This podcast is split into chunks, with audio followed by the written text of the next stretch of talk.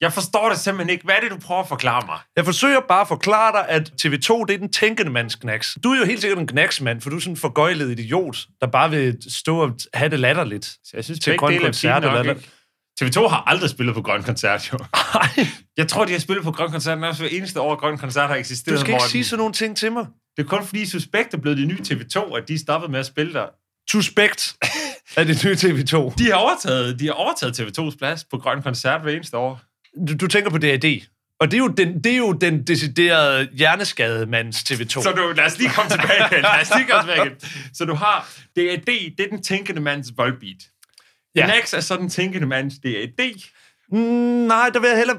DAD er den marginalt mere tænkende mands Hvor er voldbeat. Shubidua så hen i det her? Øh, den kedelige mands gasolin. Men er gasolin ikke den tænkende mands Shubidua så? Krabsen er den tænkende mands... Nej, Lars Hug er den tænkende mands Paul Krabs. Og Paul Krabs er den tænkende mands øh, Johnny Madsen. Præcis. Johnny Madsen ligger allernederst. Nej, det gør han. Ej, Nej. hvis jeg lige må... Altså, det er min eneste holdning til det her, det er, at Eran DD, det er den tænkende mands City Datter. Der er du ret i. Den vil jeg så gerne Det har jeg City ret i. Hold kæft. Det skulle du ikke have sagt. det bliver ikke klippet Det ud. er sådan noget, det er sådan noget Nana synes er sjovt. Vi kan ikke stole på hende. Året er 1998. TV3 har sendt 16 mennesker ud på en øde ø i det, der skulle blive Danmarks første reality-tv. I 2018, 20 år senere, er to mennesker kommet i besiddelse af optagelserne. Robinson-ekspeditionen blev dengang kaldt nådesløs terror-tv i medierne, og udsendelsen samlede ugenligt op mod 1 million danske seere. Men hvad skete der egentlig dengang i 1998 på øen Pompom? Og er det overhovedet til at holde ud at se i 2018? Det vil jeres to værter finde ud af.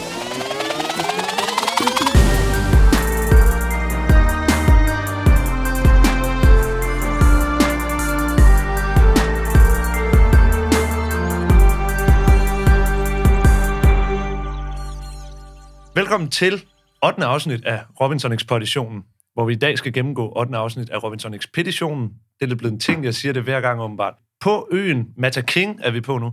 Der er der 13 dage igen, og der er 10 deltagere tilbage. Ja, og deltagerne, de er hvem? Vi har Biker Jens, som alle kender. Så har vi Regina, strøgvagt fra Aarhus. Vi har Christian, den unge fyr, rulleskøjter. Vild med, helt vild med fugle. Vi har Kathleen, Tjener, tjeneren, København. ung, moderne. Så har vi Hassan, bryderen, følsom mand, stor og stærk. Så har vi Gitte Schnell, aerobics-instruktøren. Vi har Ole, hyggemanden med overskægget og pipen. Vi har Karina der arbejder i Bilka i Vejle. Ja, så har vi Henrik Ørum, jurist, skråstreg model, og Hanne. Hun er billedkunstlærer fra Fredericia, og hun går til motionscykelløb. Præcis, det er det. Og det skal vi ikke snakke om igen overhovedet. Nej, den var grim, den der. øh, med, det, med det her. Øhm, det tidligere Hold Nord, de har en ret stærk alliance. Hold Syd er fortsat splittet. Øhm, I sidste uge, der røg Morten hjem, og han var ellers en af de dominerende kræfter på Hold Syd. Det vil så sige, at nu er de så fem på hver side. Øhm, og nu vi sådan opsummerer, hvordan det går, og hvem der er ud og sådan noget, så må jeg jo nok desværre indrømme, at mit power ranking system har spillet for lidt. Altså, fordi jeg synes, at vi holdt jo meget nøje øje med, hvor meget opmærksomhed hver person fik, og det er den her hypotese om, at dem, der ligesom kunne snige sig lidt udenom for meget ballade og for meget opmærksomhed, de ligesom kunne, de kunne holde hold i lang tid. Og det, altså nu har vi ført den her, og det er simpelthen bare stikker i øst og vest, og det giver slet ikke nogen mening længere. Altså, det er blevet helt sådan underlig suppedags. Så du Det- havde åbenbart ret. Man kan ikke sætte livet på formel. Det kan man nemlig ikke, Thomas. Og Der lærte det, jeg min lektie om det. Ja, ved du hvad, og det er godt. Så lærer vi alle sammen noget. Nogle af de ting, vi starter med på her, det er, at de har fortsat kæmpe problemer med rotter, Ja. især om natten. Og Nana, hvordan har du det med det? Bare med, med at de snakker om det her. Du har en decideret fobi. ja, jeg føler mig også lidt øh, hængt ud. da jeg hørte det, der tænkte jeg, jeg kunne aldrig deltage i det her program. Og jeg tænker også på, at de mennesker, der er med i Robinson-ekspeditionen i dag, jeg tror, de har gjort noget ved de rotter. De er ikke typerne, der vil være okay med rotter. Det, Det tror jeg simpelthen ikke på. Det kan selvfølgelig godt være, at der er nogen, som er sådan, måske sådan lidt mere Paradise Hotel-segmentet, som... Ja, men jeg tror også, de, har gjort, de gør det på en anden måde på det tidspunkt. Jeg lægger mærke til, at der er nogle testimonials, testimonials med, med Hanne her, hvor at de får virkelig sat hende op som den onde her, fordi altså, de klipper fra, at de andre går og hygger sig lidt, og så over til Hanne, der sidder helt alene, og det er sådan et rimelig stort billede, og kameraføringen er sådan helt stille, og, sådan, og hun kigger sådan lidt væk, og Ja, det er Øhm. altså ikke... Det er også altså, det med de her rotter, ikke? Det er bare ikke ens fortæller. Ja. Det er, at han om natten er der en rotte, der er kravlet op af ham, og så har han taget rotten og kastet over til Hanne, og så griner folk lidt af det. Det er sådan lidt mobningsagtigt. Det er virkelig, altså, men også fordi, at det er som om, de, de ligesom klipper det, og sætter det ind i noget kontekst og noget. Det, hun forsøger at sige hele tiden, det er, at selvfølgelig er hun ikke nogen helgen. Hun har da startet nogle ting der, og der er nogle rygter osv., osv., men hun siger, at det har alle gjort. Men det tror man bare ikke på, når hun siger det overhovedet. Alle har det jo. Alle andre har det, som om det kun er Hanne, ikke? Der er jeg også- synes sådan set, det, altså hun prøver lidt at sige, okay, jeg har været lidt ikke taktisk. Jeg har selvfølgelig gjort nogle ting og sådan noget, men jeg er ikke den eneste. Men det bliver sådan hængende i luften. Og jeg sådan, når jeg ser hele afsnittet, så går der noget op for mig, og det er måske sådan lidt pinligt, eller også så er det bare, fordi de ikke er så gode til at gøre det ordentligt i det her tv-program. Men jeg kan ikke rigtig finde ud af, hvad konflikten helt præcis går ud på. Det er Ja, ja. sjovt, det har jeg faktisk også lidt skrevet, og det er lidt pinligt. Men altså, sådan som jeg forstår det, så har Hanne påstår, at uh, alliancen fra Hold Nord, altså øh, Jens, Ole og Ørum, det er ligesom kernen af alliancen der. Hanne påstår, at de har været hen hos hende og, og forsøgt at få hende til at stemme på det samme som dem. Og så lover de hende, at hun bliver nummer 4 af det, som hun siger. Præcis. De nægter så at have gjort det. Det er den ene side af konflikten.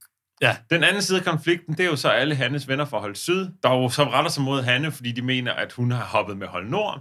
Hanne, hun går så til angreb tilbage på sine gamle kammerater fra Hold Syd, og siger, at de er blevet for kammeratlige med Hold Nord, og hun ja. Ja. har været lojal hele vejen igennem. Og særligt Karina, som hun skændes med lidt senere i afsnittet. Det er Ja. simpelthen et værd virvar, og den hele handler næsten om Hanne. Hanne mener, at Karina har startet rygtet om, at hun har løjet om det med Hold Nord. Det er virkelig kompliceret. Må jeg indskyde en lille ting Ja, selvfølgelig. omkring den her konflikt? Fordi jeg var faktisk også lidt forvirret. Jeg vil bare Ja. gerne lige have det afklaret. Det er da ikke alliancen mellem nord og syd. Ja. Det er da ikke det, der er grunden til, at Gitte er så pissesur på Hanne. Det er jo Nej. noget, der skete afsnittet før. Ja, det er det med sædlen og Morten, tror jeg. det, der skete i afsnittet før, det er, at Hanne, hun stemte, var med til at stemme Morten hjem. Ja. Morten og Gitte var best buddies. Og dem, der også stemte Morten hjem, var jo Hold Nord-alliancen. Så det, ja. Som Hold Syd de er enige om, det er, at Hanne, hun er gået med på Hold Nord Skalej og har stemt på Morten.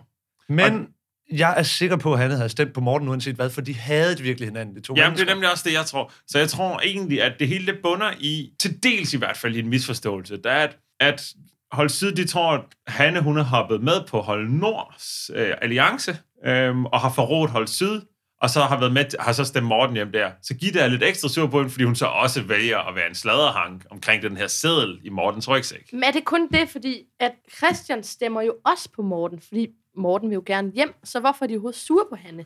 Det ved jeg ikke. Altså, jeg, for, jeg forstår det faktisk ikke. Men det er helt det her virvar, og det bliver altså heller ikke fortalt helt. Nej, det gør det ikke. Sandheden ligger et sted i den, den der dumme suppegryde af, hvad der sker om natten, når, når de ikke filmer. Altså. Ja, det er så dårligt. Men det her med, at de forsøger at kalde hende, altså få hende solgt som om, at hun er ond, og at det havde han og sådan noget. Det har vi jo snakket om mange gange. Hvor fanden kommer det fra? Nu er det for alvor, at de virkelig selv, at de virkelig framer hende, som om, at hun er et kæmpe svin. Men jeg synes bare ikke, jeg når at have hende så meget. Men jeg synes egentlig, vi skal komme lidt tilbage til det, fordi der er sådan ja. en rød tråd igennem hele afsnittet. Ja, jeg har nemlig taget et lille klip med, hvor hun sidder her ved siden af gruppen, hvor man kan se, at de andre går og snakker sammen, har noget fællesskab. Hun sidder væk og sidder og snakker. Hun siger sådan her. stemningen i lejren måske er lidt rettet imod mig. Men det er klart, det har jeg fuld forståelse for, fordi alle har jo et eller andet, de går og dækker over. Øh, man vil gerne fremstille sig selv som værende fuldstændig fejlfri, men det kan jeg love jer for, at det er man ikke. Men øh, man skal lige finde en sønder, og der har man så valgt, at det skal, det skal være mig. Det bliver bare lidt svært at tage hende i forsvar, når hun siger sådan noget der. Ja, Altså, hun er simpelthen syndebukken.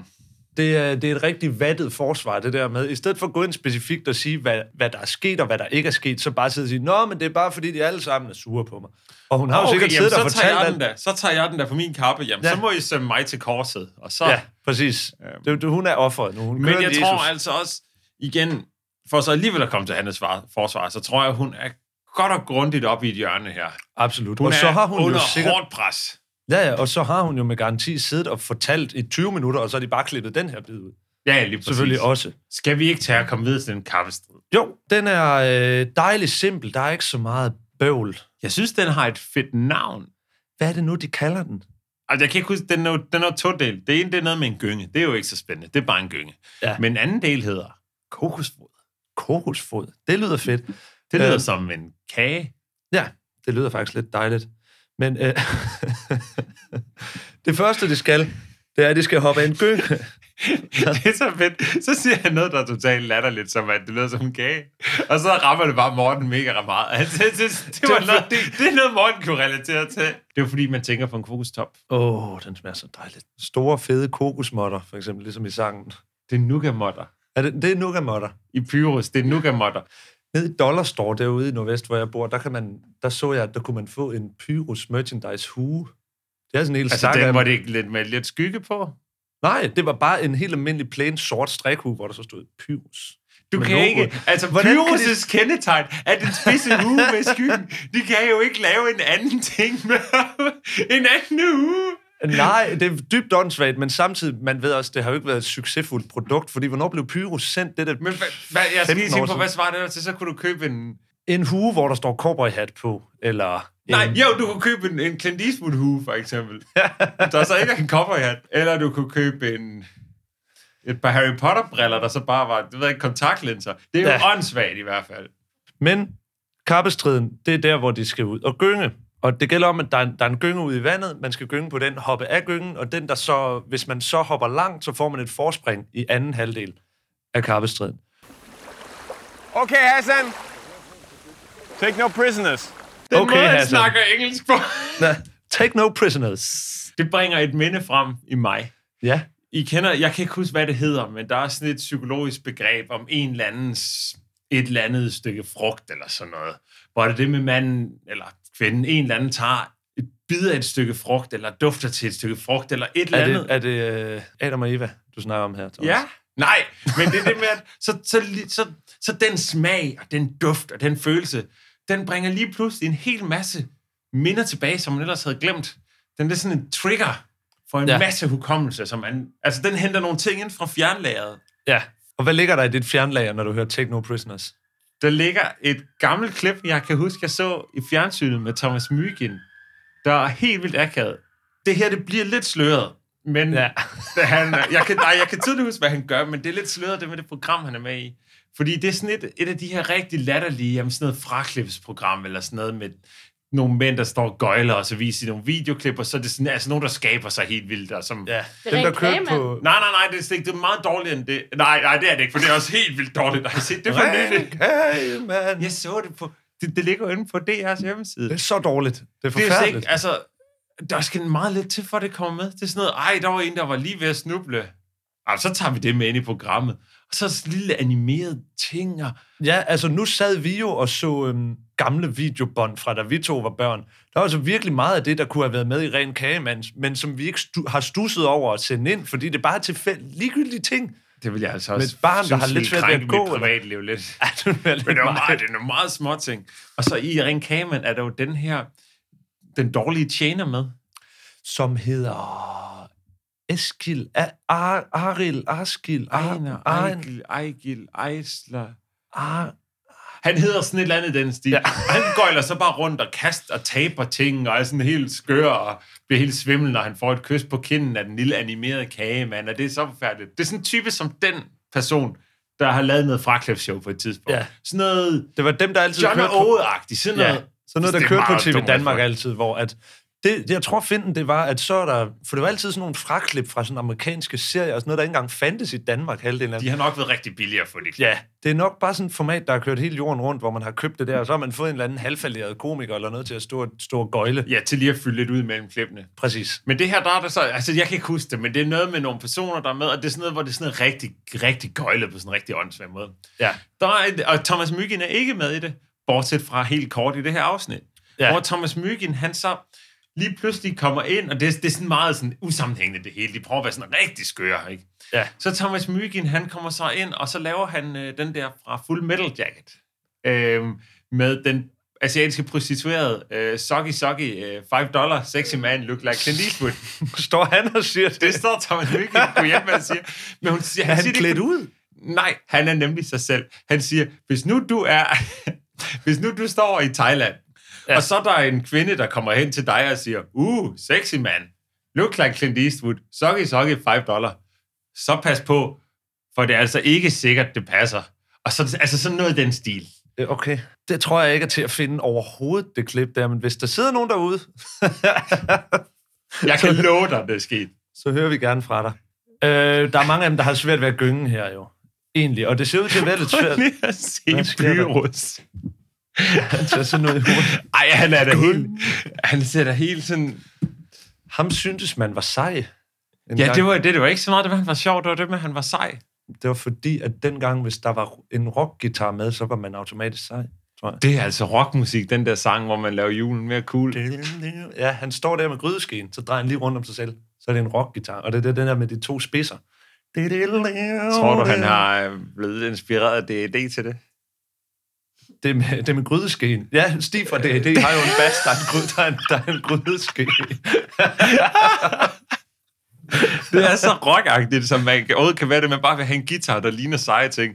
Nå, Men så en dag min guitar... Nej, undskyld, min bas... så i dag min bas, den er så bare en... Øhm, min bas, den er så bare en rumraket. Ja. Det er mega rock, ikke? Eller min bas er to, to basser.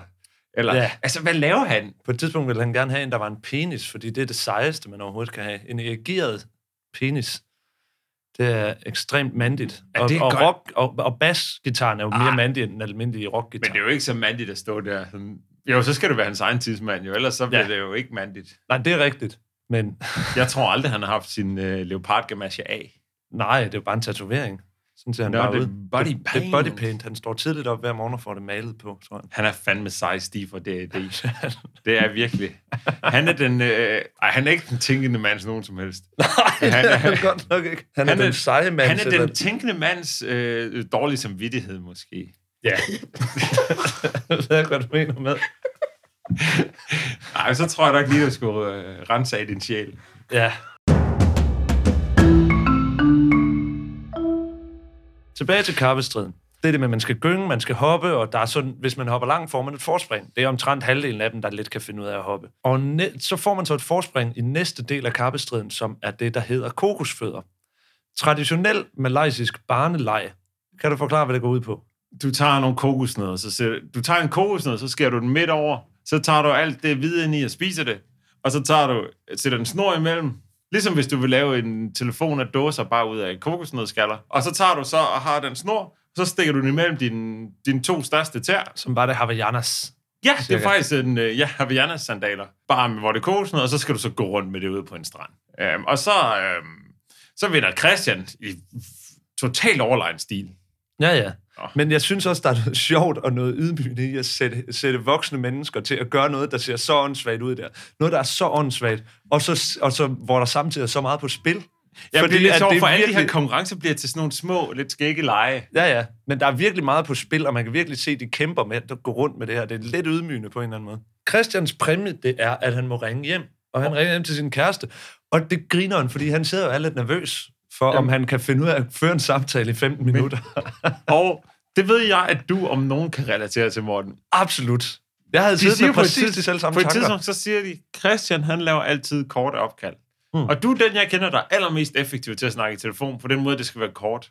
Ja. Nogle gange, så når jeg ringer til dig, så spørger jeg lige, hvordan det går. Så reagerer du sådan underligt, som om det er en meget unaturlig ting at sige, eller som om, at, at det kan jeg da ikke mene alvorligt. Så altså, du vil gerne hvordan- være videre, så vi kan få lagt på og komme videre i Ja. dagens tekst. Men det, altså det Christian er, nu skal jeg måske ikke over, overdele for meget af mig selv, det Christian er, er bekymret om, og det jeg sagtens skal følge ham i her, det er det her med, at hvad nu hvis man løber tør for ting at snakke om, hvad nu hvis det bliver akavet? Det er hans kæreste. Det er hans kæreste, Morten. Og de har ikke, kun set, de har ikke set hinanden i en måned. Og han, er, han har oplevet alle mulige sindssyge ting, og det har hun også. Mm. Kan du ikke føre en samtale? Kan, hvis man ikke. Nej, men hvad nu hvis, Thomas? Det er bare det. Ej, hvor er det neurotisk, det der. Hvad, hvad hvis han må han lægge på for tidligt, hvis det er, det løber tør for ting at snakke om? Og så vækstede den til noget andet, eller hvad mener du? Ringe nogle andre op, eller... Jeg er godt klar over, hvor mange samtaler jeg kunne nå at have på 15 minutter. Ja, altså, det er i hvert fald mange. Jeg ved ikke præcis, hvor Det vil mange. ikke være gode, men der vil være mange. kunne nå at ringe rundt til alle nærmest. Ja, ja, alle dem, jeg kender. Det kender er ikke så meget imponerende. Men, men det er sjovt den måde, at de har klippet det sammen, den her telefonsamtale her. I dag der vandt jeg en konkurrence, så man kunne få lov at ringe hjem i et kvarter. Så vi kan snart sidde og snakke sammen i et kvarter nu. Hvad har du det? Ja, det lyder vildt godt. Hvad så? Vi skal gifte, skal vi. det virker bare så underligt, det her. Det er helt vildt godt, altså. Om jeg vinder? Det ved jeg sgu ikke. Det er sgu også lige meget, om jeg vinder efterhånden. Hvordan har mine fugle det? Er de ikke det? Det må jeg sgu bare finde ud af. Det gør ikke så meget. Hvordan er det gået med, med sidste skoleafslutningsdag der? Det var godt. Vil du høre noget om hernede? Det er det vildeste kick hernede. Det er så sindssygt, også fordi det... De har jo bare klippet alle hendes svar ud. Ja, ja. Og det bliver ved i næsten to minutter, og man fatter ikke, hvad samtalen handler om. Nej, for det er bare sådan en det hele tid. Det er lidt ligesom den der, altså den der gamle Gramsespektrum sketch, hvor du blander en, der fortæller om, at en cockspaniel er en glimrende vagthund, sammen med en, der fortæller om noget med at slikke på en løvfrø. Ja, og, Og så- tæve, tæve nogle, øh, Nogle nogle, banditter og nogle noget. indbrudstyver og noget. Og det bliver sådan en mærkelig virvor, hvor det hele bare bliver sådan bliver viklet sammen, og det ikke rigtig giver mening. Og så taler de også sådan. Og sådan taler Christian jo ikke ellers. Nej, nej, det er virkelig Hvorfor underligt. taler han så hurtigt og mumler sådan lidt? Der er sådan lidt... Det er fordi, han er nervøs for, hvis de nu løber tør for ting at snakke om. Det kan også være, at han bare er sådan lidt, lidt gejlt op over at skulle tale med hans kæreste for første gang i lang tid. Det kan måske. selvfølgelig også være. Og så kan det også være, at det er fordi, det ikke er løst morgenligt at få ordentligt lyd på, når hun siger noget. Må jeg bare lige komme med en indskudt ting Ja. omkring det med Christian. Jeg synes ikke, det er sindssygt, at han siger, vil du høre om, hvordan det går hernede også? Altså, hun spørger ikke engang ind til det. er det Nej, ikke det- vent, det er ham, der er på Robinson-ekspedition. Og hun snakker bare om, I'm sorry, jeg siger skoledag, Men og det- Karina skal på ferie. Men det er faktisk ret sjovt, fordi det hun snakker om, er nemlig det der, altså det er, at, at han er nødt til at spørge, er du ikke interesseret i, hvordan jeg har det? ja, Jeg er lige med i Danmarks mest populære tv-program her. det er ja, Kunne du ikke godt tænke dig lige at høre, hvordan det går, hvor jeg er ude på en øde ø her? Og har jo ikke Nej, så Christina. 30 dage nu. altså, Christina og Per, de er altså så taget på ferie, og jeg har så, og så har jeg så været til eksamen, og så er der det. Og, så kedeligt. men jeg synes, det mest vanvittige ved telefonsamtalen, det er, at hun kunne hjælpe mig, ikke fortæller ham, hvordan det går i fodbold. Danmark kunne have vundet VM, mens de sidder på den her ø, uden de ved noget. Det er faktisk rigtigt. Det er sindssygt, fordi det er hvad, en uges tid siden? Det Nej, passer, det... det er mere endnu. Det er mere endnu. Det passer sikkert ja. med, at finalen lige har været der til VM. Og Danmark var jo inde i turneringen sidste gang, de så... De så... har siddet og set det. Det har han så ikke, men de har vel for fanden snakket om det. At Danmark var i hvad, 8. delsfinale eller sådan Ja. noget. Men også de ting, han nævner der. Vi fik slet ikke snakket om øh, fodbold eller om vejrudsigten. Sådan som om, hvordan er vejret derhjemme? Altså, vejrudsigt. Jeg synes, det er fair nok at spørge, hvordan er vejret derhjemme? Sådan, hvordan er vejret lige nu? Fordi Ja. det er sommer og sådan noget. Ikke? Så kan hun sige, Ja. altså, hun behøver ikke at give en syvdøgnsprognose. Nej, det... Den her telefonsamtale er det, der er allerbedst lavet i hele Robinson-ekspeditionen indtil videre. Det er der, hvor jeg er mest underholdt. Det var de her to minutter. Men det det, var var godt nok det- sindssygt grineren. ja, men var det ikke... Altså, jeg synes jo, det var lidt mærkeligt. Men det var derfor, det var grineren. Ja, altså, det var, det var, det var en rigtig dårlig måde at fortælle den historie på, men jeg synes, det var helt vildt sjovt at høre på. Ja, ja. Jeg var, og det bliver øh, ved i næsten to minutter. Tiden fløj afsted. Lægger du mærke til, hvad det er, når Christian kommer tilbage til de andre, hvad det er, man lige kan nå at høre, de sidder og snakker om? Det er Piker Nej, nej. Piker sidder og siger, åh, double whopper med cheese, og så sidder Gitte og siger, ja, eller chili cheese tops. Så... Nej, det siger hun jo så ikke. Og Karina hun siger, eller riddersport med mokka. Jamen, de sidder og snakker om mad, og om chicken nuggets, og det er så mærkeligt. Men det er som om, det er det, de snakker om, når det der gør ikke er man TV. jo. Har du aldrig set en krigsfilm? Det er det eneste, de snakker om. Altså, en krigsfilm, altid, så er der sådan nogle scener, hvor de ligger i deres barak, og så ligger de og snakker om... Øhm, altså, alle til krigsfilm er der jo en scene, hvor du har sådan en lidt... En måske en, der ikke er sådan så klog mand, der så, og så sådan en anden mand, der så bare snakker om alt det mad, man kan lave med rejer, for eksempel. Det er jo med i alle krigsfilm. Samtlige af dem. Og så i alle krigsfilm, så tager de, når de kommer hjem fra krigen, så, så starter de et firma, hvor de, hvor de så fisker efter rejer også. Ja, og opfinder smileyen. Kan du, det er det dummeste, der sker i hele den Det er film. dårlige special effects, der. altså, det der med, for det er ikke bare sådan lidt antydning af et smiley face. Det- Det, er et perfekt smiley af mudder, der kommer på ham. Sådan er alle krigsfilm. Ja, at der opfinder de smileyen, fordi de er ude at løbe, og de sveder og sådan noget. Det er præcis sådan der. Det er faktisk her, at så kommer der en reklamepause i udsendelsen. Det vil sige, at første akt er slut, og så er vi faktisk nået til et helt nyt indslag. Det kommer lidt sent, det her indslag, men det er blevet tid til lytterhenvendelser. Ja. Er det ikke det? Jo, lad os se lytterhenvendelser. Ja, for det er nemlig sådan, at vi jo hele vejen igennem opfordrer jer lyttere til at skrive ind, hvis I har nogle historier eller noget Og vi, om... vi, har været, vi har været rigtig glade for de bunkevis af breve, vi har fået, men I må også gerne skrive digitalt til os i stedet, hvis det er. Ja. Fordi det tager virkelig lang tid at komme igennem de der kuverter. Du har fundet et par, par breve frem. som er simpelthen røget ind i inboxen her. Der er lidt et tema med dem begge to, dem jeg har valgt i dag. Vi har jo fået simpelthen så mange, men dem jeg har valgt i dag, det handler om Biker Jens begge to. Den første, skal jeg sådan set, skal jeg ikke bare læse op? Den første, det er Karl, der skriver, Hej gutter, jeg er vild med jeres podcast, og jeg hørte, at man skulle skrive til jer, hvis man havde oplevet eller havde en eller anden relation til Robinson-ekspeditionen. Tak skal du have, Karl. Det var det hele. Nej. Øh, Han skriver, prominent herre, sidste år var jeg i en kort periode folketingsmedlem, simpelthen. Og vi havde en høring af en art om, om et projekt i en detailhandel, der skulle hjælpe folk ind på arbejdsmarkedet. Jeg mødte op i mit stiveste pus, og så frem til at høre nogle seriøse typer fortælle om deres projekt. Der kom en mand ind og fortalte om projektet, og jeg var 100% sikker på, at jeg havde set ham før. Jeg sad hele høringen igennem og prøvede at komme frem til, hvor jeg kendte ham fra, indtil jeg fandt ud af, at det var fucking Biker Jens. Nej, hvor er det vildt. Han er åbenbart blevet topchef i Fakta. Øh, jeg kunne ikke tænke på andet, efter jeg havde fundet ud af det, og jeg kunne ikke få mig selv til at spørge nogle af de andre folketingsmedlemmer, og det har jeg lagt mærke til, at det var ham. Det er altså en akavet situation, at du skal sidde der, de her dybt seriøse personer, og man skal sidde og lytte til, hvad der bliver sagt. Hvad? Er det ikke bare Jens deroppe? Eller? Især Ej, fordi, at, at jeg ved, at øh, Karl, seriøs politiker, som han er, og så videre, at han er, jo, han er jo inde som vikar på det her tidspunkt. Det er jo ikke en, altså, det er jo ikke en fast chance. Så han har været inde som, som vikar, og der er, det, er man måske lidt lavere i hierarkiet i forhold til, altså man kan jo ikke, der skal man, man skal i hvert fald lige bevise sig Så skal man være ekstra seriøs. Det er nu ikke noget, du bare står der og påpeger, at Nej. det er Biker Jens. Set, hvem det er. det nytter ikke noget. Han skriver, han kunne ikke få sig selv til at spørge nogle andre folketingsmedlemmer, om de havde lagt mærke til, at det var ham. Det var latterligt. Nå, jamen det var sådan set bare det, skriver han. Det må altså være en underlig situation. Men Jens, han sidder jo i en ret prominent stilling inde i Fakta Ja. i virkeligheden. Men altså, det er da ikke nogen overraskelse. Det er han er en kvik fyr. Ja, han har en, en god holdning. Det er Danmark. Det er en god holdning. Det er en god holdning. Han er god. Nej, men jeg synes jo, øh, at altså, mandens meritter taler for sig selv, Biker Jens. Han har jo været ude på en øde ø flere gange, Ja, ja. øhm, og det virker som om, det er meget svært at have et almindeligt arbejde og rende rundt derude i hvert fald. Det tror jeg da godt nok også.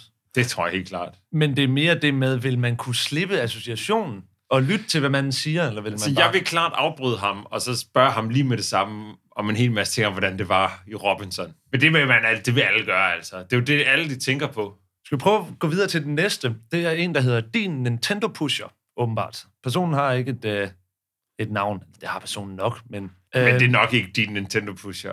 Nej, din til fornavn. Hvad underligt.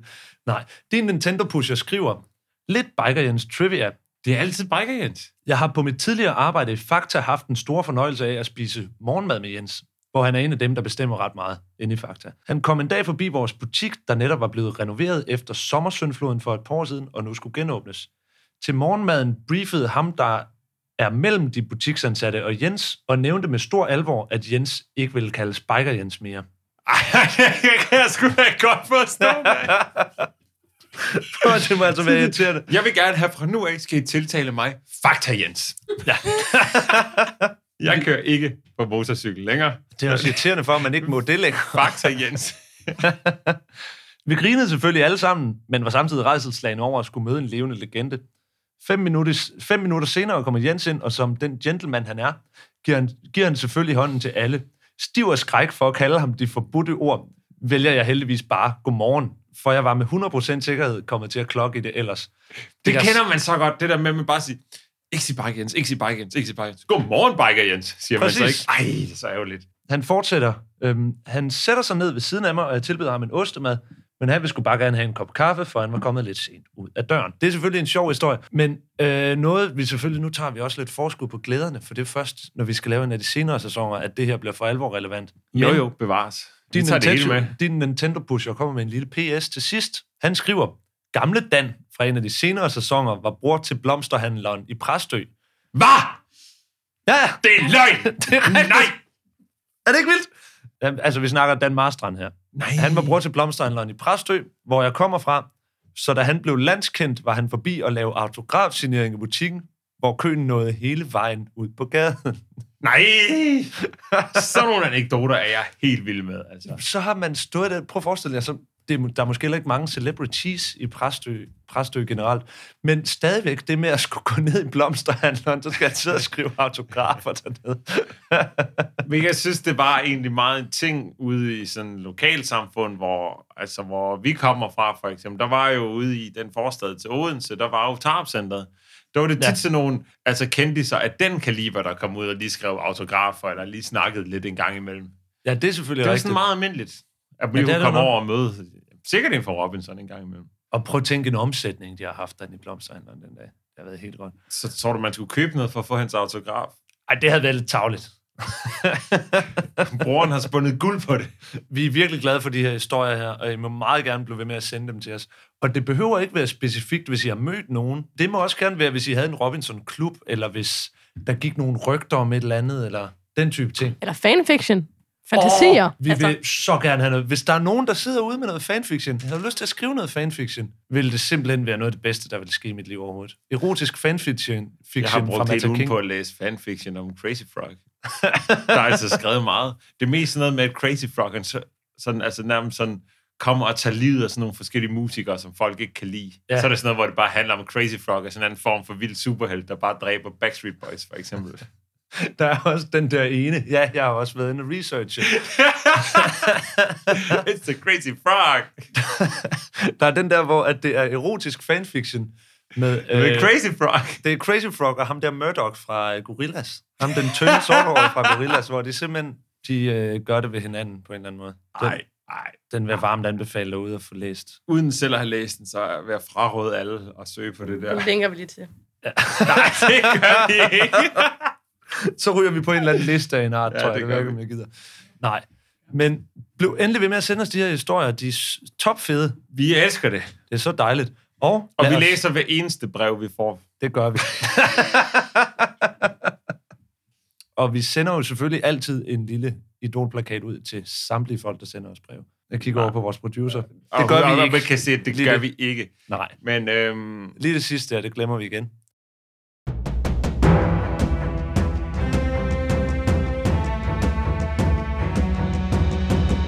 jeg vil gerne have, at vi kommer tilbage til Mata King. Ja, lad os rejse tilbage under varmere himmelstrøg.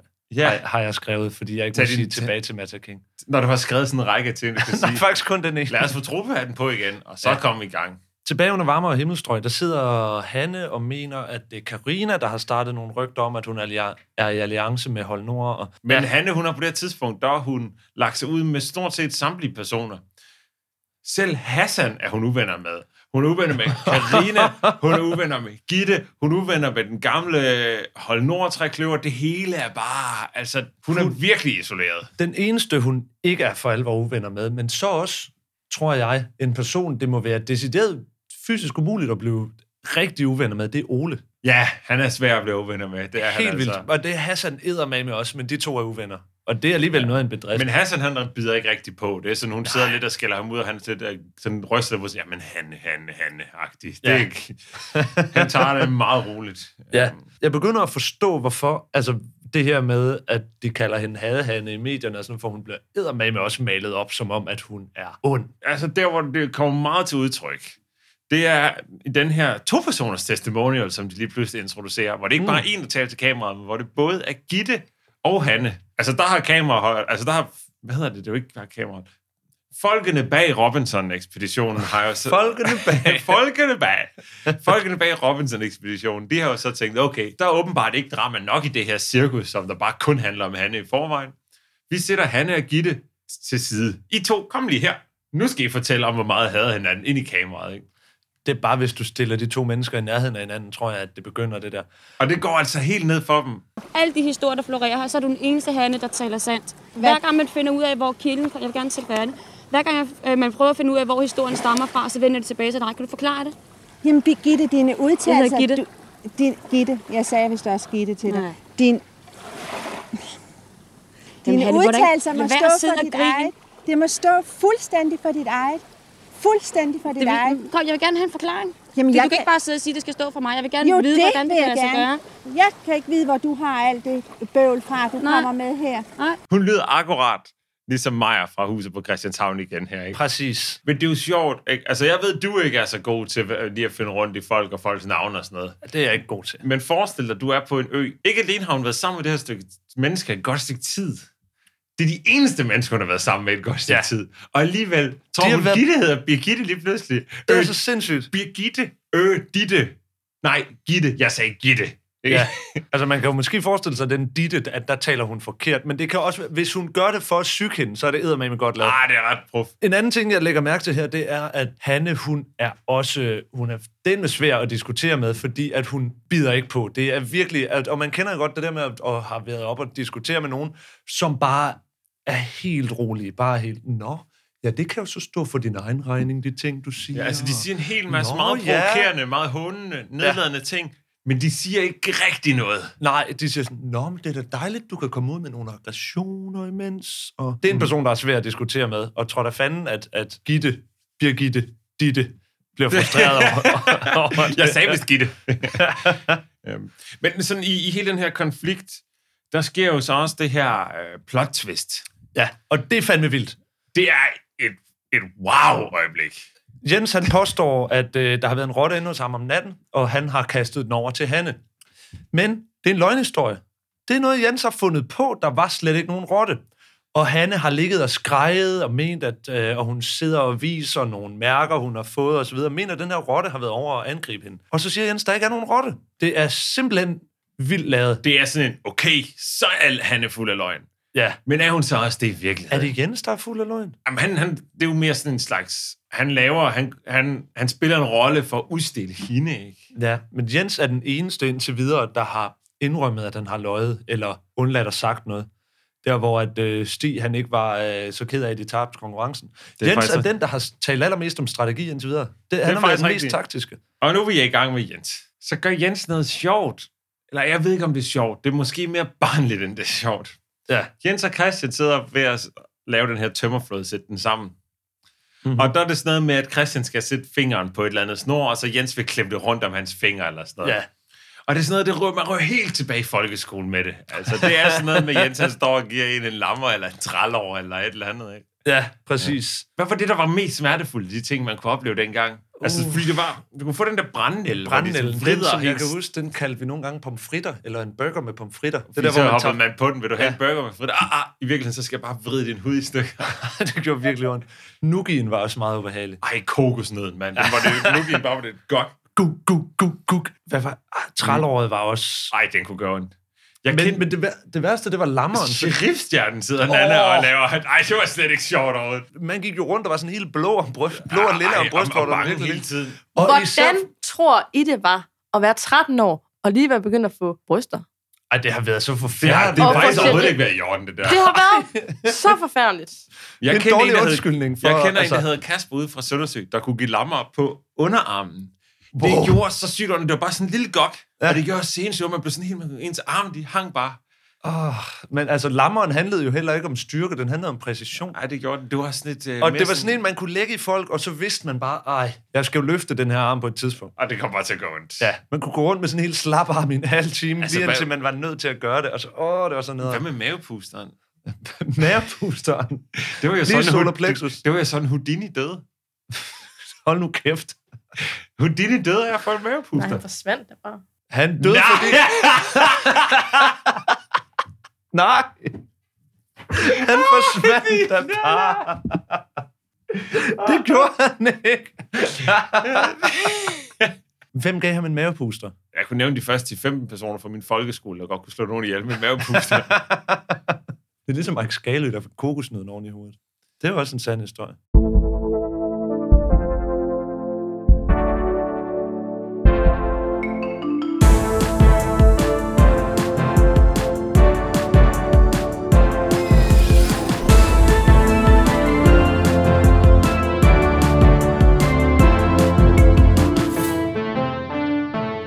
Det er blevet tid til quiz. Quiz, quiz, quiz, quiz. Quiz.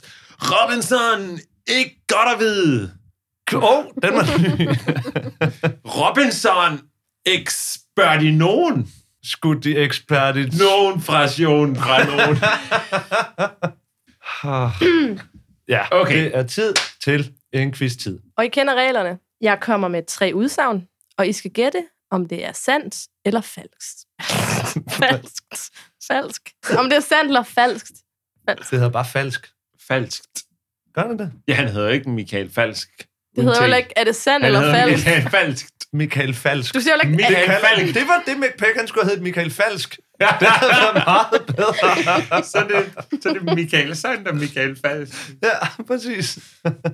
i denne uge kan I vinde Mm. et gavekort Okay. til Elgiganten på 45 kroner. Nej, det er løgn, mand. til gode bevis. Det kan er man samme. jo få alt muligt for. Man kan få noget, man kan i hvert fald få noget fra den der ting, der altid står midt i butikken, der bare er stablet op med gamle, Ja. sådan gamle holdere til ting og Du kabler, der kan ikke få- passer til noget, der har Du eksisteret kan de få sidste et 20 cover år. til en, en iPhone 3 eller noget, hvis du er heldig. Du kan få et, et, et skarpt-kabel til dit gamle billedrøst TV. Sådan nogle ting. Det glæder jeg mig rigtig meget til, Nana. Okay, vi øh, starter. Ja. Robinson-ekspeditionen er det hårdeste, jeg har været med til, udtaler 37-årige Thomas Myging. Han fortæller, at den eneste forskel på ham og deltagerne var, at han fik mere at spise. Man bliver altså træt af kylling, fisk og ris. det er løgn. Det passer jo ikke. Det kan godt være, det der med, at han siger, det er det hårdeste, han har prøvet, det er jo subjektivt. Det er op til ham, og vi ved jo ikke, hvad han lever af herhjemme. Men, men Altså, jeg har set ham i den der gamle Sanusi-reklame. ja, Det ligner, at han kæmper for at klare sig. det må være noget af det hårdeste, han har prøvet. Jeg forstår det ikke. Han spiser kylling, fisk og ris. Det synes han er hårdt. Eller er det bare det med... Han, han synes- siger, at det er den eneste forskel, der er på ham og deltagerne, hvilket jeg også synes, det er det vildt nok sagt. Det er jo, altså, det er, det er altså, det er jo falsk.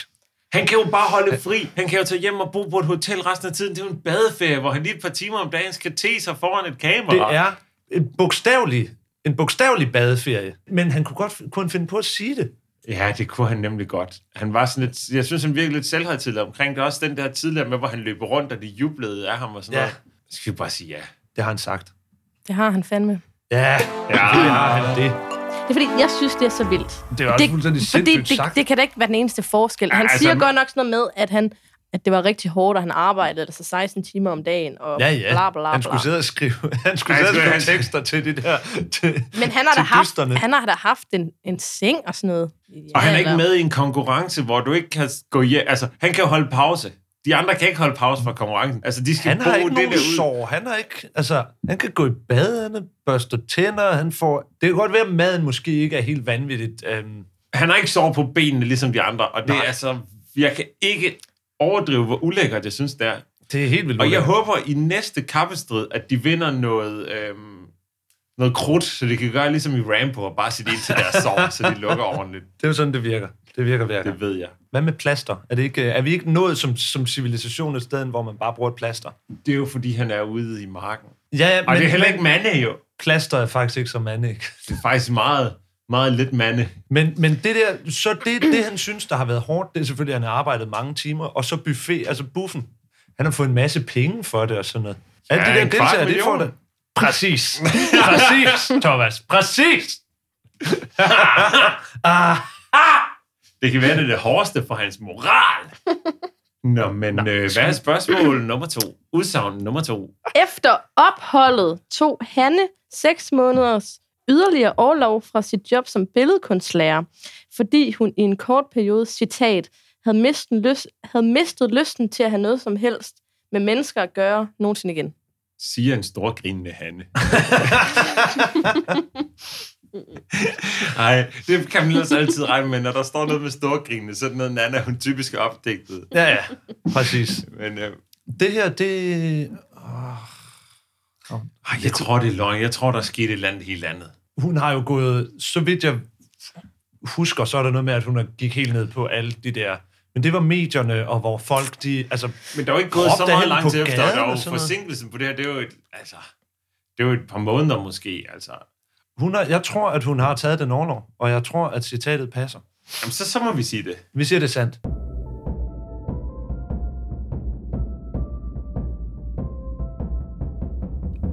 Det er det ikke. Nej! Jeg skulle aldrig have lavet Satans. dig... Åh, oh, jeg skulle aldrig have lavet, lavet dig fortrylle mig med dine ord. Nej. Der er fik du mig satans også. Nå. Sådan 1-1. kan det gå. Vi er stadig et team derovre. Åh, Vi Og bare det have det et. til. Ej, det fem, det handler om ikke. Hvis vi 45 taber- kroner, Morten. Som I kan dele i to. nej, så- nej, nej, nej, nej, nej, nej, Ej, nej, jeg skal have... Ej, jeg, jeg skal have den, den gammeldags jackstick-adapter. Jeg skal min- have den der, den der lille øh, klistermærke-ting, jeg kan sætte bag på min Nokia 3310, så den blinker, når den bliver ringet til. Den skal jeg have. Skal, skal vi uh, tage sidst? Ja, det øhm, skal vi. Lad os lade være at drømme så meget. Ja. Lad, os, lad os vente med at drømme om Elgiganten, til vi har det. Ja. Christian fortæller, at noget af det første, han gjorde, da han kom hjem, var at invitere vennerne til bowling og bajer i Tornby Bowlinghal. Jeg, jeg blev... Der kommer et citat nu. Jeg blev, jeg blev så fuld efter to fadøl, at jeg kastede op på banen, men de tilgav mig heldigvis, fordi jeg havde været med i Robinson. Så gav jeg bare autografer til hele personalet, og så var den i orden. Det lyder som drømmeaftenen. Det er jo en af de ting, man ikke må kunne lide længere, det er jo bowling. Jo. Endnu en ting, som der, der røg ned i, den, altså ned i, katte- i kassen med, med bøvethed. Ja. Som bliver større og større. Den vokser, indtil man til sidst ikke kan få lov at gøre noget som helst længere. Ude i Big, Ball, Big Bowling, der, så, så, sådan en, en to timers bowling med disco på, hvor, hvor den lyserøde kejle, så kan du vinde en Ej, gang kan du shots. vinde shots med og du kan, få sådan, du kan få sådan en hel meter fabams. Ej, mand, det der tårn. Ej, har I nogensinde været ude i Grøndal Center og spille bowling? Nej. det har jeg i Nej. hvert fald heller ikke, fordi det er aldrig noget, jeg kunne finde på. Det er alt for sej til. Og jeg vil heller aldrig bruge de der 45 kroner til Elgiganten. Det vil jeg aldrig kunne finde på at bruge i fisketåret. Jeg vil tage den i City 2, og så vil jeg gøre det ironisk. Godt kald. Godt kald. Så kan man jo, altså alt, hvad der... Hvad er der i vejen med Så åbner Elgiganten? kassen sig igen. Så kan du bare hoppe i Bøvekassen. kassen, hvis du Ja, bare... Du kan hoppe lige ned i bøvekassen, hvis du gør det med ironisk distance. Ja, ja.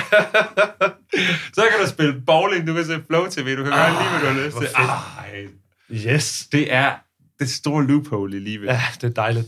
Jeg tror, det er løgn, og nu skal du høre, hvorfor det er løgn. Da han kom hjem, var han slet ikke særlig berømt endnu, fordi det først blev sendt senere. Det er rigtigt. Yes! Godt tænkt, Nej, Thomas. altså ikke noget... Altså, noget af det første, da han kom hjem. Jo, jo, men Christian drikker bajer, Ja, ja, og han når at drikke sig et, rimelig godt skjold op over de jo hurtigt et par uger der, så han kan tåle nogle øl. Han har været hjemme og drikke bajer inden. Han har ikke været kendt, før han fik bajer. Jeg tror, den første halvdel af historien passer, men han har ikke brækket sig på bowlingbanen, og han har ikke uddelt autografer. Det er det, vi siger. Yes! Jeg kan se det på den anden, at det var løgn. Jeg har virkelig tænkt mig om. Du, altså, du har jo, fuld, du har jo fuldstændig ret, fordi... Altså, alt er opdigtet ved det her. Der er ikke noget, der passer. Men, men, Nej, ærligt, jeg troede lige, den første halvdel passede. men, men selvfølgelig er han ikke kendt, lige når han kommer hjem. Ej, hvor er det dumt, mand. Så skal vi... Hvad skal du have nede i Elgiganten? Altså, Skal nu vi har I for, Elgiganten sammen? I har for 22,5 hver, jo. Ah, hvor fedt. Ej, så tror jeg altså, jeg skal have... Hey, der er noget, du har overset. Man kan jo købe slik op ved kassen. Jeg skal da have 10 Twix. Kan man, åh, man billige. kan sgu få Twix op ved kassen, Yes! det er helt vildt. Eller kan man bare få det vekslet? Fordi jeg ved, den ude i Nørrebro, der har de sådan en, hvor man kan trække uh, sure kastanjer for en to kroner. Nå, Og hvis man lige ryster den på den rigtige måde, kan man få fire ud hver gang. men det kan du til gode bevis. Så du kan ikke få det vekslet til begge. Men mindre, de, de, det er under deres opsyn, du går hen og bruger dem i den der stikautomat. Pengene må ikke forlade butikken. Du skal bruge dem i butikken.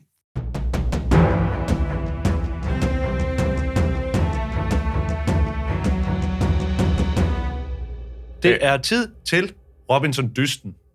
Ja. Thomas Myggen siger, at i dag har det skiftet navn til Borneo-quizzen. Og Borneo-quizzen fungerer faktisk præcis ligesom øh, quizzen i den her podcast. Der bliver stillet nogle udsagn, og så har man et skilt, hvor man skal sige, om det er sandt eller falsk. Mhm. Og så alle dem, der gætter rigtigt, de får lov at gå et skridt frem, og så dem, der først kommer helt forrest, de kommer så i en finale, hvor der er et par spørgsmål til sidst. Og vi starter med en trinvis test af jeres tropiske paratviden. Opg- opgaven er for jer er at gætte, hvorvidt de postulater, jeg fremsætter, om de er rigtige eller forkerte. Den måde, han siger det her på, han kan slet ikke... Han er så glad for Han hans kan slet ikke formulering. være sig selv. Det her, det endelig, endelig har han fået helt frie tøjler. Ja, ja. Og jeg tror jo, at det, at det er vildt nok i sig selv, der når han siger trinvis test af jeres tropiske paratviden. Sikke en alliteration. Godt kørt. T, T, T. Han kan slet ikke være sig selv. Han står og fniser lidt over sin egen spidsfindighed. Ambrose, han starter med at sige det her med, velkommen til Borneo-quizzen. Her er præmien hverken gavekort, stereoanlæg eller hårde hvidevarer. Ja. Ja. Det har aldrig været præmier i en quiz, nogle af de der ting. Nej. Det har været præmier i lykkehjulet. Hård hvidevarer, det har de da fået på et tidspunkt. De får et køleskab. Det er jo ikke en quiz, selvfølgelig. Men det er jo en Nej, anden det er faktisk rigtigt.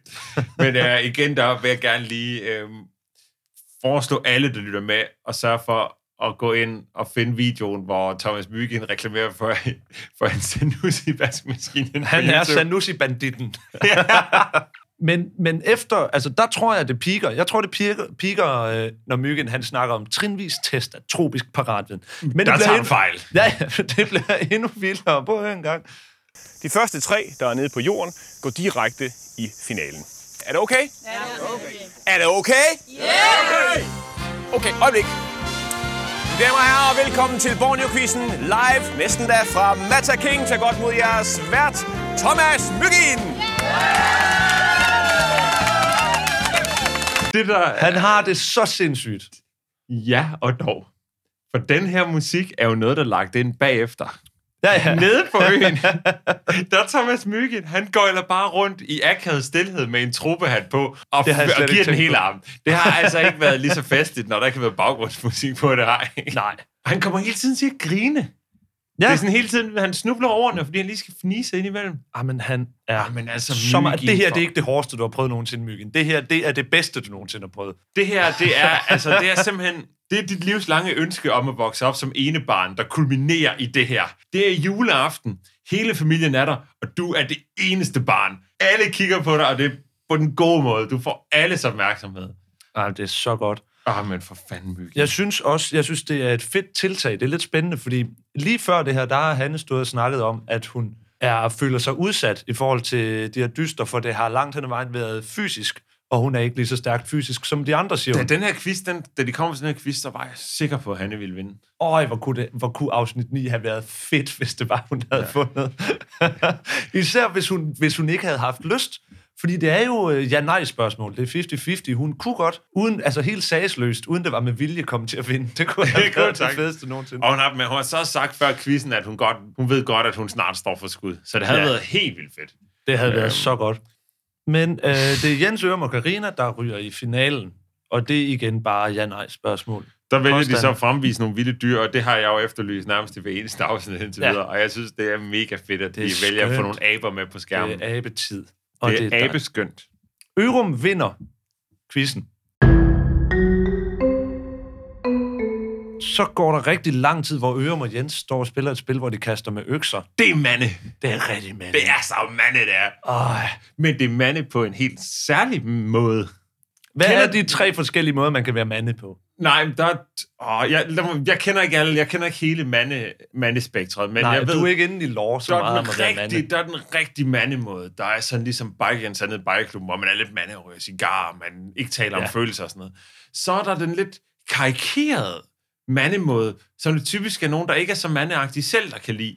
Det er sådan, nogen, der, det er sådan noget med wrestling, det er sådan Ja. noget med japanske tegnefilm, det er sådan noget med kung fu-ting, det er Ja. sådan noget med computerspil, det er så noget med nu metal. Ja, sådan noget, hvor man er sådan lidt vild, uden rigtig at være vild. Det er den kategori, øksekast falder ind i. Fordi alle, man kender, der lige har skulle lave noget øksekast på et eller andet tidspunkt, der er så nogen, der ligesom gør det på sådan en måde... Altså, det er som om, det er fra sådan en kung fu-film. Så skal du gøre sådan her med teknikken, og du skal et eller andet, og det bliver sådan, det bliver sådan overteknisk. Ja, Det er den... Øhm, det er mande på, øh, på teenager-agtig bøvet måde. ja, på hvor den der man, måde, som det... Hvor man har købt en kastestjerne ned på det gule marked i Prag, for eksempel. Ja, den måde, som børn synes, det er at være mande. Ja. Hvad Altså, helt er, på- jeg forstår ikke, hvad jeg mener med mande. Ej, nu siger jeg noget. Det er sådan macho. Det er mande. Altså sådan, du ved, mande. ja. Thomas gør sådan med to Åh, knytnæver. hvor er det mande. Du ved sådan noget, åh, oh, uh, rigtig, Rigtig rigtig mande. mandfolk. Rigtig mandfolk. Det er mande. Ja, men at kaste med økser, det er rigtig mande. Og især hvis man går op i det på en måde, man snakker Jeg vil kalde det macho spider, hvis man skulle kalde Ja. det en stil. Det er den type mande, der er. Det er den mandekasse, det kan ryge i. Det er altid sådan noget, hvor man, skal, hvor man en gang så har man måske ved et sted skulle spille noget paintball eller lidt andet. Ja. Noget, ma- noget Noget mandeaktivitet. rigtig mande. Så er, der, så er der typisk i nærheden, så er der sådan et sted, hvor man kan kaste lidt med økser. Det er aldrig dem, der arrangerer paintball, der gør det. Det er altid lige deres lillebror eller lidt lille kiksede fætter, der så skal over der og være mande og vise sig frem på sådan en mandeagtig måde. Ja, fordi det er jo det med, hvis der er en mandeaktivitet, er der gerne andre mandeaktiviteter rundt om. Hvis du Det er et sted, hvor du kan skyde med lerduer, så selvfølgelig kan du også gøre et eller andet andet pis, hvor du skal... Man skyder efter lærduer, Morten. Nogen skal da sende de lerduer afsted. Nå, ja, Nej, ja. men- Hvis der er et sted, hvor du- man kan skyde med lærduer, er der typisk også sådan, så du kan skyde dem ned igen. Præcis. Ellers bliver det Men det bare er rigtigt, man er op. til at bygge... Fordi det Det med er jo at sådan være et mande... mande-resort nærmest, hvor Jamen, man det er tager et ned. mandeskjold, et mandefort. Ja, Det er nemlig det, det handler om. Det er, når man er mande, så er det vigtigt, det er ikke nok bare at have mandeagtige aktiviteter. Det er vigtigt også at kunne skærme sig fra ikke-mandigheden. Altså forestil dig, at man sidder hjemme med drengene, og man skal måske se en Rambo-film, og man har det rigtig mande. Man drikker nogle bajer og sådan noget. Men, men alligevel inde i lokalet, så er der, har, har ens kæreste måske tændt et stearinlys. Så alle mande falder bare til jorden. Ja, ja. Det er enten eller. Det er meget er til skrøbeligt. simpelthen- Ja, det er meget skrøbeligt maskulinitet. det er virkelig skrøbeligt, faktisk. Det er en af de ting, der kendetegner det allermest. Absolut. Ja. Øh, apropos mande, Ja. så sker der efter, at... Og det er ret sjovt. Biker Jens og Henrik Ørum, de, de har jo i De gang har, med by- de har fået plus på mandekontoen. De, de står og, og mander, mander Ja. den godt og grundigt. Så går vi over til, at de skal øh, malke en ged. Og, Og det kan er man mærke, det synes de ikke er fedt. Der har de ikke fået bygget sig et stærkt nok fort af mande. Nej, nej. Der kunne det helt pladask ned igen. Så er det slut med den mandighed. For, altså, du kan kaste med så mange økser, du har lyst til. Lige så snart, at du står og malker en ged. Det er ikke... Det eneste mandige, man kan malke, det er nemlig den der ketchup, der hænger som sådan en pat. Præcis. Der er også den til remoulade, den er også mandig nok. Sennep er den allermest mandige. Det er den mandigste... Nej, er den mandige... Hvad er den mest mandige ting, du putter i en hotdog? Er det, Det er råløg, løg, råløg, råløg, råløg. Ja, råløg. Eller hvis man putter nogle andre helt vildt mandige ting i den. Som krudt igen. Ja, krudt eller motorolie, ikke? Rust og kæder. ja. Sådan nogle ting. Læder. Nej, men Jens, Den han der står... kabring på åben hav på DVD. Må jeg lige sige noget? Ja, tak. Ved I, hvad jeg tog min far i, da jeg var hjemme på ferie nu her? I at malke en ged. Nej, han sad i, i stolen og kiggede på videoer på sin telefon. Bare sådan, så jeg var sådan, hvad ser du, far? Og bare sådan nogle Steven Seagal-videoer. Så sad han bare sådan, så sådan en loop af klip. fra Steven Bare Seagal. klip fra Steven Seagal. Det er altså nogle Han helt vilde ting. En ting, man skal gøre, hvis man har tid til overs, det er at sidde og se nogle af Steven Seagals nyeste film. Han laver stadig film.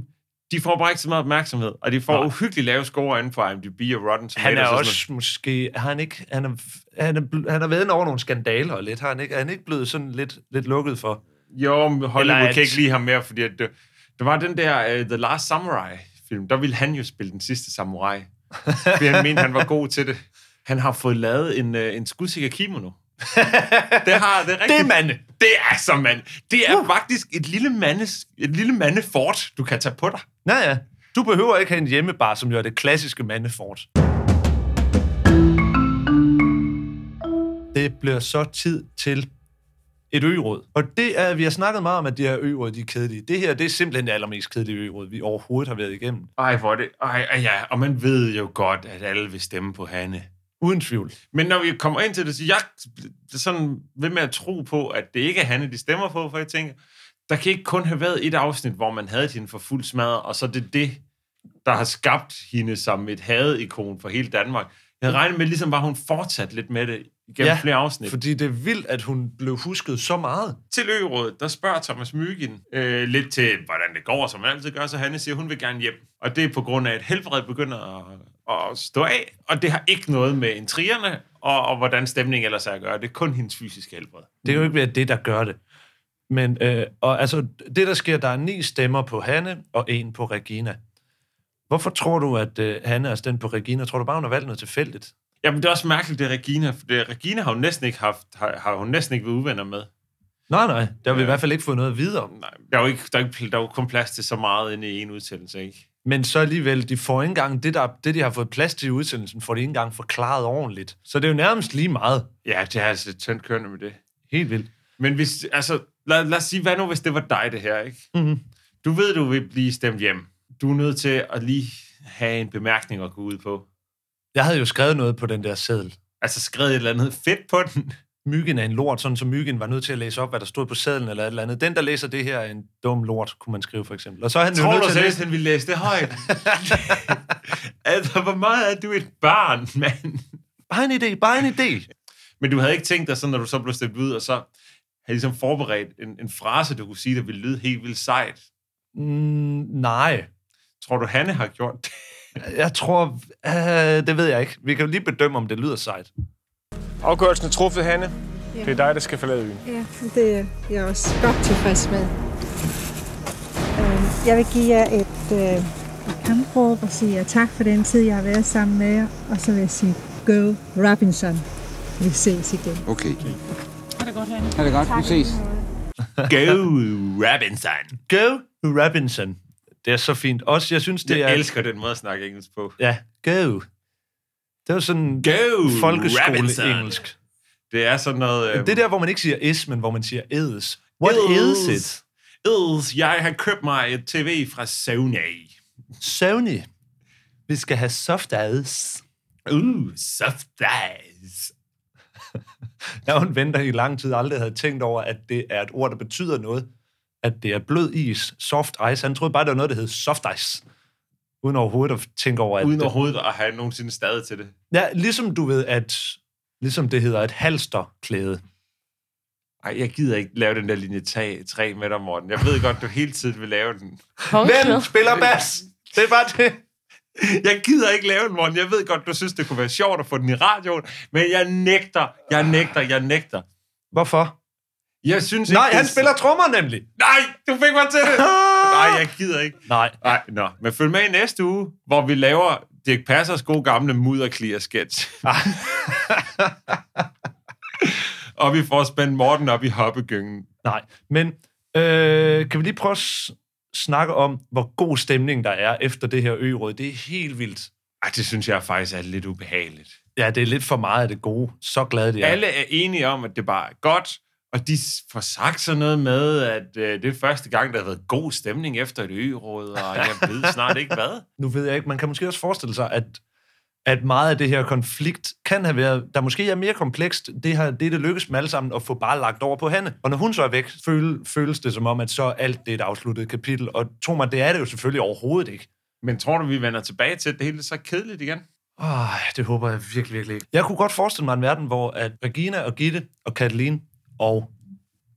Skal jeg sige det for dig? Ja, tak. Regina, Kathleen, Gitte og Karina. De fire kunne jeg godt forestille mig på en eller anden måde får rottet sig sammen i sådan en drejende mod pigerne-agtig situation. Hvad der kommer til at ske i næste afsnit, det, det er selvfølgelig svært at sige. Men Morten kommer i hvert fald til at lave en, en genopførelse af den der, øh, har du aldrig set mig nøgen? Det er fra Olsenbanden, er det ikke? Det kan jeg da ikke huske. Og det tror jeg da. måske er der en lille konkurrence i næste uge, hvor lytterne måske, måske, måske kan vinde noget, hvis de er heldige. Det får ikke mit gavekort til Elgiganten. Nej. I mellemtiden, så husk nu at gå ind og øh, give os en anmeldelse inde på iTunes, og øh, subscribe, abonner alt det der, og skriv til os, hvis du har en anekdote om noget med Robinson, for det er også rigtig fedt for os at høre. Og følg med ind på de sociale medier i det hele taget, fordi at der kommer til at ske alt muligt fedt. Og vi skal selvfølgelig, øh, som er noget, vi er begyndt på nu, har jeg besluttet, slutte på ugens citat Ja, fra ugens afsnit af Robinson-ekspeditionen. Jeg har to kandidater. Jeg har øh, Go Robinson, og så har jeg der, hvor Myggen går amok som quizvært. Hvad synes du er sjovest? oh, det med quizverden, det er virkelig godt. det er bare, fordi jeg kan ikke lade være med at tænke på ham som værende sådan, at han en eller anden dag vender tilbage fra de døde, og så bliver vært på Hvem vil være millionær, og så hele tiden siger sådan nogle dumme ting. Ja, man kan få lov at håbe. Jamen, ja. Ja. vi slutter den på Myggen, som går amok som quizvært. Kan ja. Ja. I have det rigtig godt? Vi ses i næste uge. Farveler. Og veller. De første tre, der er nede på jorden, går direkte i finalen. Er det okay? Ja, okay. Er det okay? Yeah! Okay, øjeblik. Mine damer og herrer, velkommen til Borneo-quizzen live, næsten da fra Mata King. Tag godt mod jeres vært, Thomas Myggin.